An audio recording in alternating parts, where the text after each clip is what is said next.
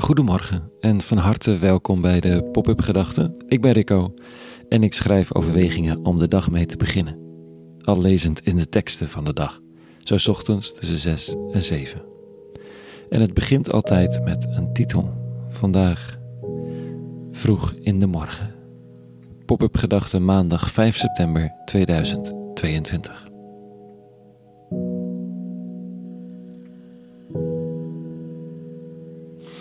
Het hoofd, het hart en het lijf zitten nog vol van gistermiddag. Toen stonden we op het Museumplein. Uh, met honderden mensen te luisteren naar een serie verhalen van mensen met een vluchtelingenverleden. Naar mensen die hulp aan het bieden waren in Ter Apel. En naar mensen uit de politiek die niet konden verdragen wat de politiek bij elkaar was gedacht de afgelopen weken. Het was een demonstratie van Migrate en naast me in het gras zat mijn zoon van elf aandachtig te luisteren. Toen we s'avonds terugkeken op al wat er gezegd was, hield hij het niet droog. Met tranen in zijn ogen en woede in zijn stem herhaalde hij uitspraken van de sprekers. Hoe niet te verdragen hij het vond dat het kabinet erbij stond en ernaar keek. En dan ook nog families langer laten wachten. De desillusie en de wanhoop. En even vraag ik me af of ik hem mee had moeten vragen naar dit soort plekken. Omdat ja, je automatisch je kind wil beschermen tegen pijn, denk ik. Maar hij kent al lang de situatie. Kent de vluchtelingen met wie we optrekken. Liep als dreumes al rond in de vluchtkerk in Amsterdam. Het hoofd en het hart is vol, terwijl ik het liefst leeg en fris aan de week zou beginnen. Net zoals ik het mijn zoon graag zou besparen, maar zo is het niet. En de vraag is of ik in dit alles rust kan vinden.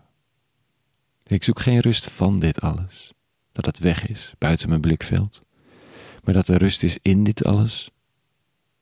En hoe dan? Dan blijkt een van de lezingen vanochtend een deel van een psalm te zijn, nummer 5. En de dichter schrijft dit, onder andere. In de morgen, Heer, hoort u mijn stem. In de morgen wend ik mij tot u en wacht. U bent een God die zich niet verheugt in het kwaad. Bij u is de misdaad niet welkom. Gewetenloos houden geen stand onder de blik van uw ogen.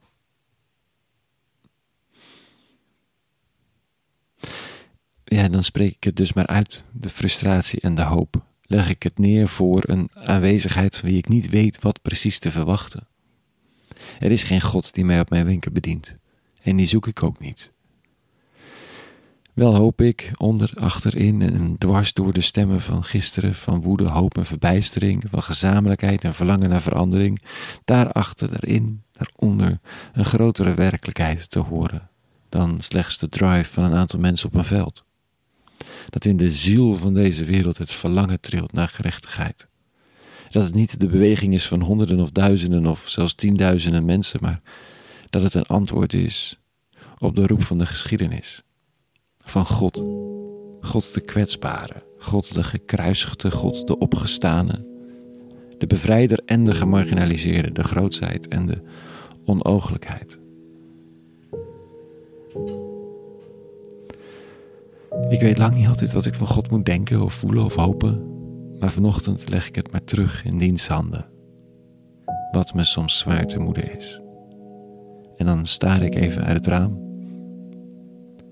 ik zie de lucht lichter kleuren en geef me over aan de dag die komt. Om te doen wat voorhanden is, met liefde en aandacht.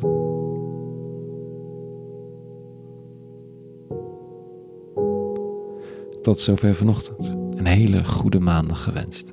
En vrede voor ons, oh, in deze wereld. En alle goeds.